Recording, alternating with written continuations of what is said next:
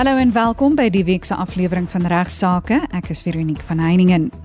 Ek gaan verduidelik die week die verskil tussen die LSSA, ook bekend as die Regspraktisynsraad en die Prokureursorde van Suid-Afrika. Hy bespreek ook 'n vraag oor verbande met betrekking tot boedels, waar 'n luisteraar sê haar verband was geregistreer in haar oorlede man se naam, maar hy het nie lewensversekering gehad wat aan die verband gekoppel is nie. Gaan verduidelik ook die begrip grouwe ondankbaarheid. Die hele begrip van grouwe ondankbaarheid kry ons vanaf die Romeins-Hollandse reg. My spesialis gas Volker Kreur van van Velden Duffy Prokureurs in Rustenburg sluit binnekort by my aan om te praat oor koop en verkoop ooreenkomste.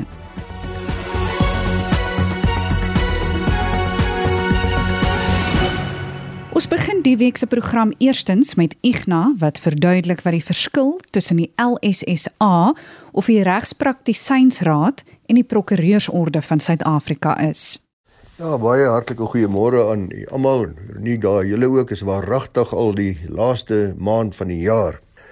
Ek kry oor die naweek iemand wat vir my sê, nou wat is die verskil tussen die LPC of die LPC en die Prokureursorde van Suid-Afrika of die LSSA? Nou uh luisteraars die LPC of die Regspraktyksraad is 'n redelike nuwe statutêre liggaam gestig deur die nuwe wet op regspraktisyns en dis 'n liggaam wat baie wyeer strek as slegs prokureurs. Dis van toepassing byvoorbeeld ook op advokate en baie ander regsgeleerdes en die raadslede van hierdie regspraktyksraad bestaan nie net uit prokureurs nie, maar ook uit advokate en ander lede van die publiek wat deur die minister van Justisie aangestel word. Dis 'n statutêre liggaam. Die Prokureursorde van Suid-Afrika daarteenoor of die LSSA, die Legal Society of South Africa, was nog altyd 'n vrywillige vereniging, soos dit nog steeds is wat onder andere die regskole en die opleidingsfunksie van uh, vir die prokureursberoep behartig. Ons, ons noem dit LEAD LEAD die regs- en opleidingsafdeling. Afgesien daarvan word daar ook heelwat ander funksies verrig deur die Prokureursorde van Suid-Afrika wat ek miskien maar by gebrek aan 'n beter woord kan noem vakbond funksies. Dit is wat noodsaaklik is vir die prokureursberoep en ook etiese standaarde bevorder. En uh, die Prokureursorde van Suid-Afrika word grootendeels gefinansier deur die Regspraktyksraad wat op hulle beurt weer hoofsaaklik gefinansier word deur die regspraktyks getrouheidswaarborgfonds, voorheen die getrouheidswaarborgfonds vir prokureurs. Uh, nou is dit ook 'n baie wyeer uh, waarborgfonds. Nou soos altyd luisteraars, kan ek maar net sê wat my persoonlike bydrae op hierdie program betref, sedert 1992, dis al 30 jaar, verteenwoordig ek die Prokureursorde van Suid-Afrika. Dis die liggaam wat net die prokureursberoep verteenwoordig en nie ook ander regspraktisyns soos byvoorbeeld advokate ensovoorts insluit nie. Ek hoop dat alle verwarring nou behoorlik uitgeskakel is. Ek gaan bespreek nou 'n luisteraarsvraag oor verbande ten opsigte van boedels. Die luisteraar sê haar verband was geregistreer in haar oorlede man se naam, maar hy het nie lewensversekering gehad wat aan die verband gekoppel is nie. Wat sy toe eers later uitgevind het. Ek het 'n vraag ontvang van 'n luisteraar wat handel oor verbande in die geval van boedels. Uh, ek som die vraag op deurdat sy sê haar verband was geregistreer in in die oorlede man se naam. Uh, maar hy het ongelukkig nie lewensversekering gehad wat gekoppel was aan hierdie verbandslening nie en toe hy sterf, het die bank vir hulle gesê dat sy nie die verband kan oorneem nie. En sy dink dit was verkeerd, sy moes hom oorgeneem het, maar sy het 'n nuwe verband in haar naam geregistreer. Nou verlede jaar het die bank haar ingelig dat uh, sy oordrag en titelakte kan kry teen uh, eh, 1000 rand wat sy toe gedoen het, maar die dokument dui nog duidelik aan dat die verband tussen haar oorlede man en die verkoper was. En sy het twee vrae wat haar kwel. Sy sê moes daar nie 'n oordrag en titelakte aan haar naam geregistreer gewees het nie en uh, kan sy die saak met die bank opneem. Nou uh, ek het ook die saak bespreek met Janus Olivier by, by ons kantoor en hy is uh, ook by ons aktes afdeling en hy stem saam dat om die vraag te beantwoord oor wie eiendom nie in haar naam geregistreer moes word nie, moet ons natuurlik weet of sy die erfgenaam was of nie, maar oorlede man uh, het dalk 'n testament opgestel waarin hy haar as erfgenaam van die eiendom aangewys het alternatiefelik nie daar nie so 'n testament was nie sou die bepalinge van die wet op intestate erfopvolging van toepassing vind en hierdie wet bepaal dat die langslewende gade saam met die kinders moet erf of die langslewende gade indien daar dalk nie kinders is nie. As algemene reël luisteraars in uh, in hierdie spesifieke luisteraar word verbande gekanselleer wanneer 'n persoon die verbandnemer sterf. Hou in dat die verbandlening dan afbetaal moet word. Dis nou deur die boedel en die verband dan uh, eintlik in die akteskantoor gekanselleer word. En dis hier waar die lewensversekering natuurlik baie voordelig is om seker te maak daar is genoegsame fondse om dit te doen by afsterwe van die verbandnemer in ons luisteraar se geval was daar ongelukkig nie sulke versekerings nie. En in daardie gevalle sal die erfgenaam wie die eiendom moet erf dan gedwing wees om die eiendom te herfinansier. Met ander woorde, indien hulle nie self die kontant het om die verband af te los nie, sal sy dan 'n nuwe verband moet uitneem vir dieselfde waarde as die uitstaande bedrag op die bestaande verband. Met ander woorde, as meneer sterf en daar's nog 500 000 rand verskuldig aan die bank en daar's nie versekerings nie en sy is die erfgenaam dan sal sy 500 000 rand moet leen om daai verband af te los. Die eienaam word dan oorgedra aan haar as erfgenaam en terselfdertyd word 'n nuwe verband geregistreer. Dis hier waar ons luisteraars se feite stel nou baie interessant raak.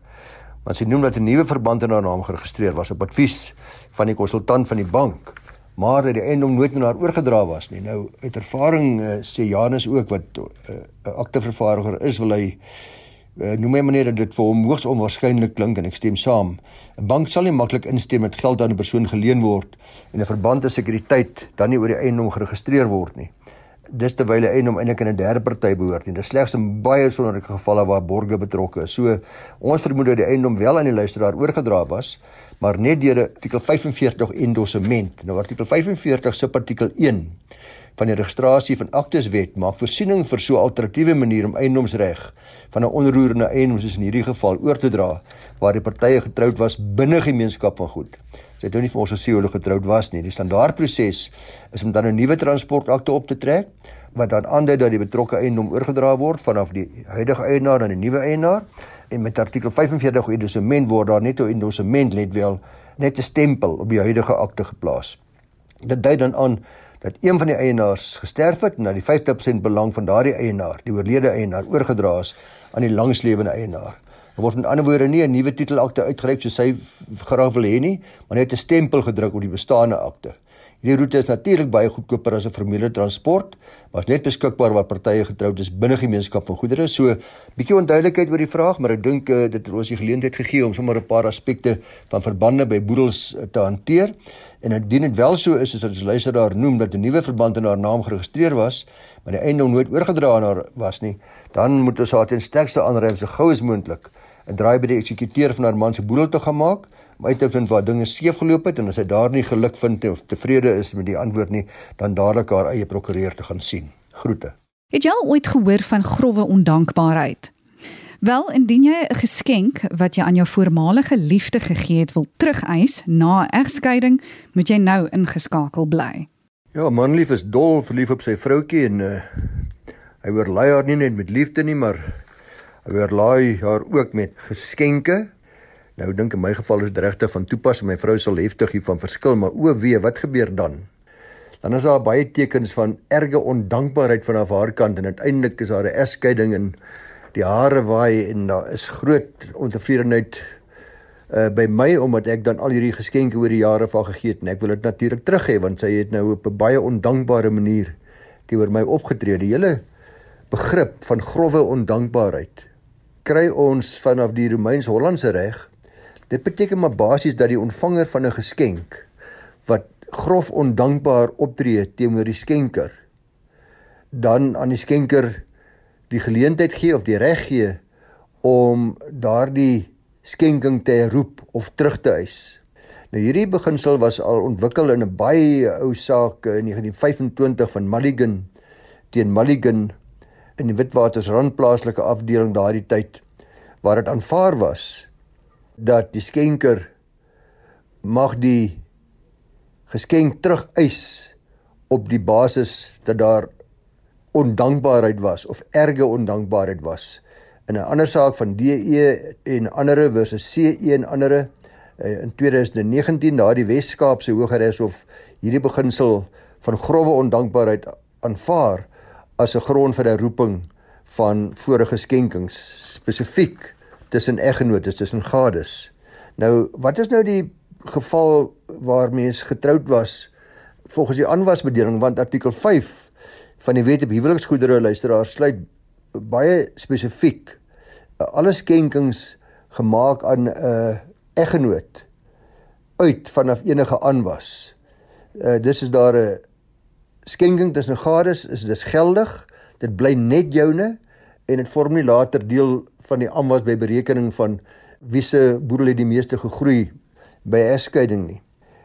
En dan is dit natuurlik effektief uh, sodat in daardie geval kan mens ook nie die skenkings terugeis nie dit want dit word alleenlik die vrou of die man wat die ontvanger van haar geskenk was se eiendom.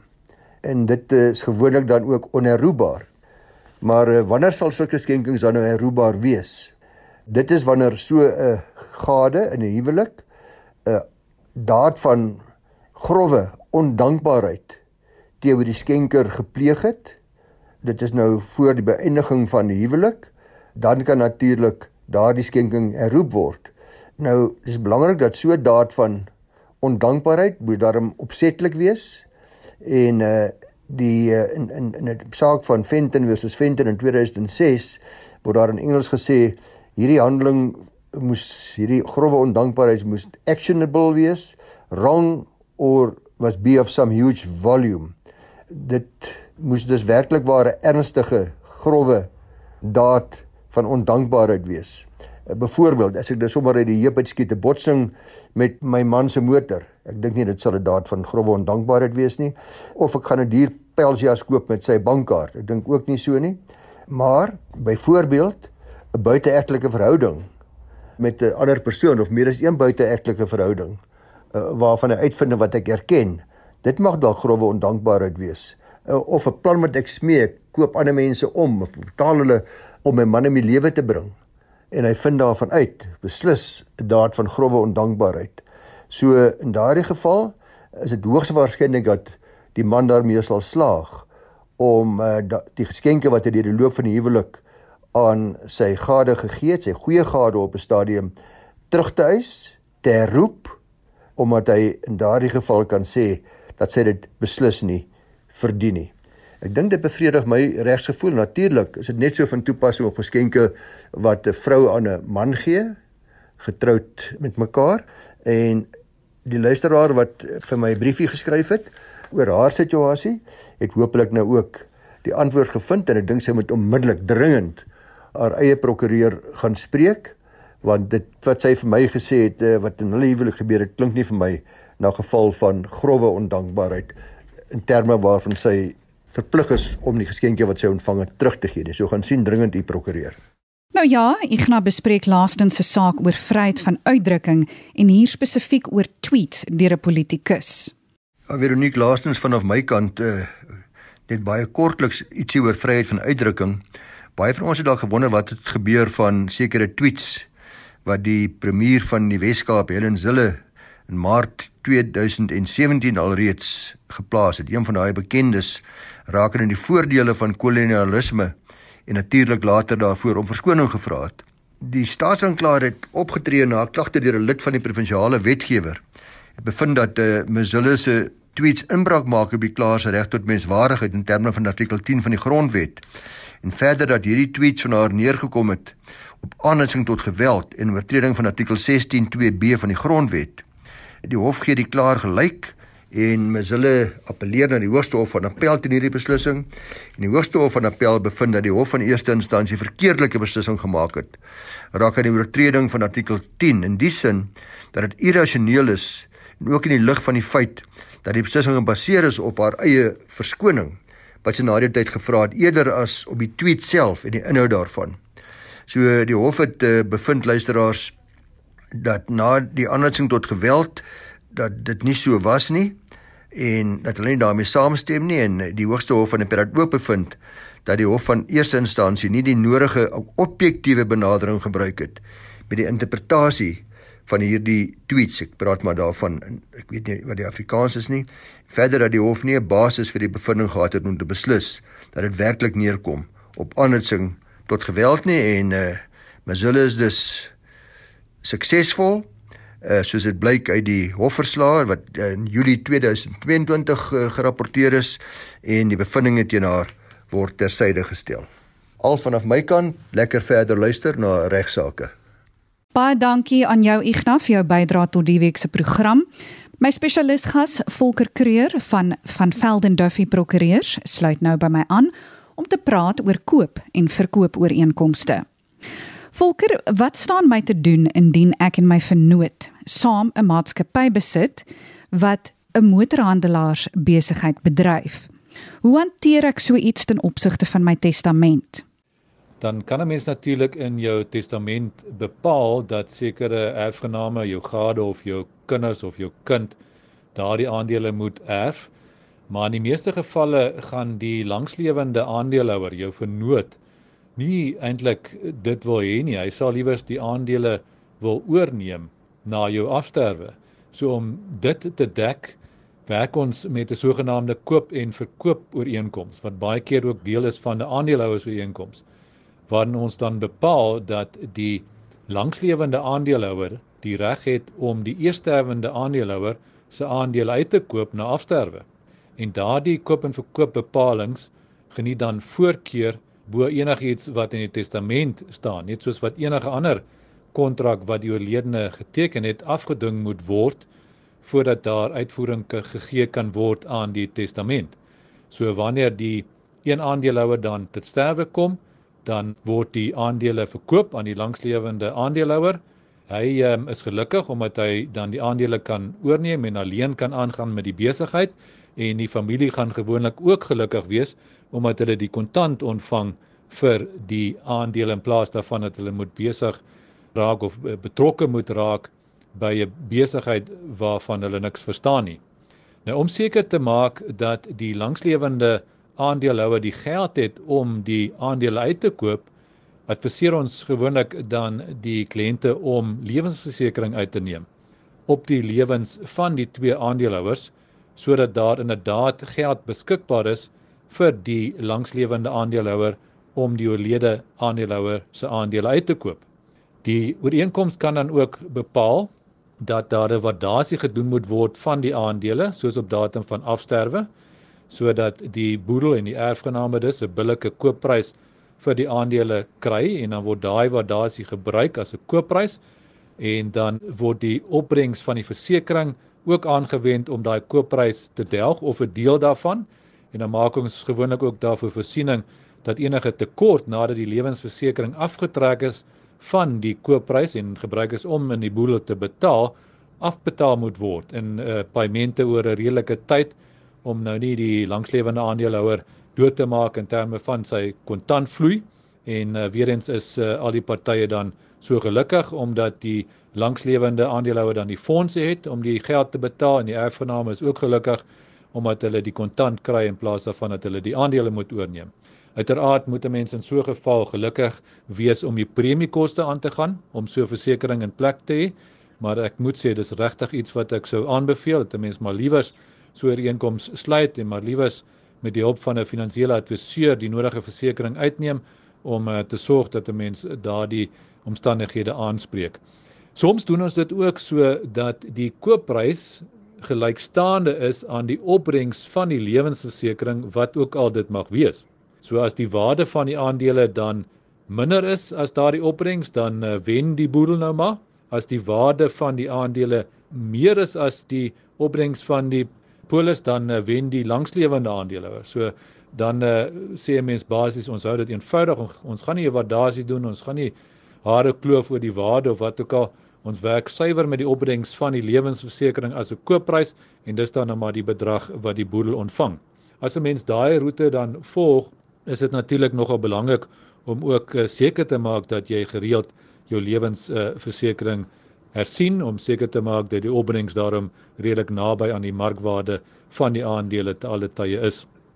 Daar kan ek net in die verband 'n finale wenk gee wat besighede oor die algemeen aanbetref as jy 'n besigheid as 'n bate agterlaat aan jou erfgename veral as daar nou nie 'n vennoot is wat dalk weet hoe alles werk nie maak maar seker dat jy ook riglyne vir daai erfgename en vir jou eksekuteur agterlaat sodat hy weet wat om te doen as jy te sterwe gekom het sodat hy byvoorbeeld weet wie sleutel werknemers met wie hy dalk die dinge kan reël en die besigheid kan bestuur en die skade kan beperk en so meer. So daai riglyne is nie 'n regsdokument wat uh, soos 'n testament geteken moet word en die formaliteitsvereistes hoef te voldoen nie.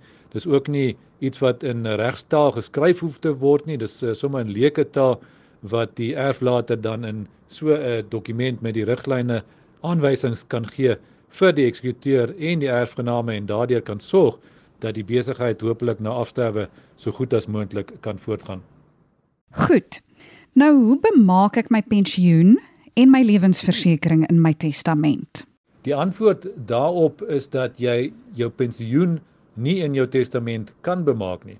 Pensioenfonde word gedek deur die pensioenfondswet en spesifiek artikel 37C van daardie wet skryf voor dat die trustees van die pensioenfonds 'n diskresie het om te besluit wie die voordeel van die pensioen moet ontvang na afsterwe van die houer van die pensioen. So jy kan nie in jou testament voorskryf wat die trustees moet doen nie. Hulle sal nie daaraan gebonde wees nie. So dit is basies die uitgangspunt wanneer mense testament opstel. Jy gaan nie daar met jou pensioen handel nie. Jy gaan eerder by jou pensioenfonds beginsigtes aanwys, maar die trustees is ook nie gebonde aan daai aanwysing nie. Hulle kan nog steeds hulle diskresie uitoefen en na aanleiding van 'n ondersoek na die behoeftige familie en die afhanklikes van die oorledene dan besluit wie die spesifieke pensioen dan moet ontvang. Dieselfde geld vir enige anniteit of enige ander soortgelyke produk wat onder die pensioenfondswet val. Dan wat lewensversekering aanbetref, is bietjie anders as pensioen. Dit uh, kan jy wel in jou testament bemaak as daai lewensversekeringsopbrengs na die boedel toe gaan. Maar as die eienaar van die versekering 'n begunstigde benoem het by die versekeringsmaatskappy, dan gaan daai benoeming natuurlik voorkeur geniet bo enigiets wat in die testament staan. So jy kan eintlik sê dat daai benoeming van die begunstigde by die versekeringsmaatskappy die testament gaan troef. 'n Versekering wat jy uitneem, lewensversekering bly maar 'n kontrak en die terme van daai kontrak is dat jy met die versekeraar met die lewensversekeringsmaatskappy ooreenkom dat hulle 'n bedrag gaan uitbetaal aan 'n begunstigde wat jy nomineer. So dit kom nie boedel toe nie en kan dus nie volgens die testament vererf nie as daar 'n begunstigde andersins benoem is. As daar nie 'n begunstigde benoem sou word nie of as die boedel spesifiek benoem word as 'n begunstigde, dan is dit natuurlik iets anders. Dan gaan die opbrengs van die lewensversekering wel na die boere toe gaan en volgens die testament vererf as daar een is. Ek moet ongelukkig nou groet. Ek bedank graag weer vir Ignas Kleinsmid en vir Volker Kreur, beide van van Velden Duffy Prokureurs in Rustenburg vir julle bydrae tot vandag se program. Ek is seker die luisteraars het dit net so interessant gevind soos ek. Vir enige navrae stuur gerus 'n e-pos na my toe by vero@rsg.co.za. Van my Veronique van Heiningen groete. Tot volgende week.